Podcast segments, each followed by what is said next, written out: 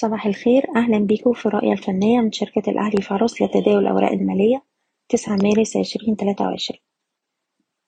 للجلسة الخامسة على التوالي المؤشر بيواجه ضغوط بيعية كسرنا مستوى الدعم وحماية الأرباح ستاشر ألف ستمية وسبعين.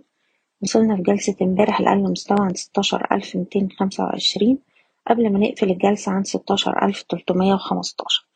طبعا التراجعات واستغياب تام لقوى الشراء مازلنا بنستهدف مزيد من الانخفاض لمستويات الدعم التالية حوالي ستاشر ألف ومتين ستاشر ألف نقطة.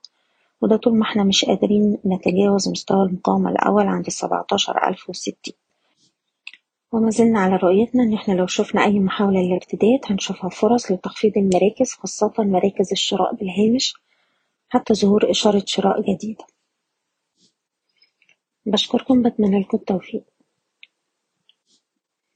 إيضاح الشركة غير مسؤولة عن أي قرارات استثمارية يتم اتخاذها بناء على هذا التسجيل.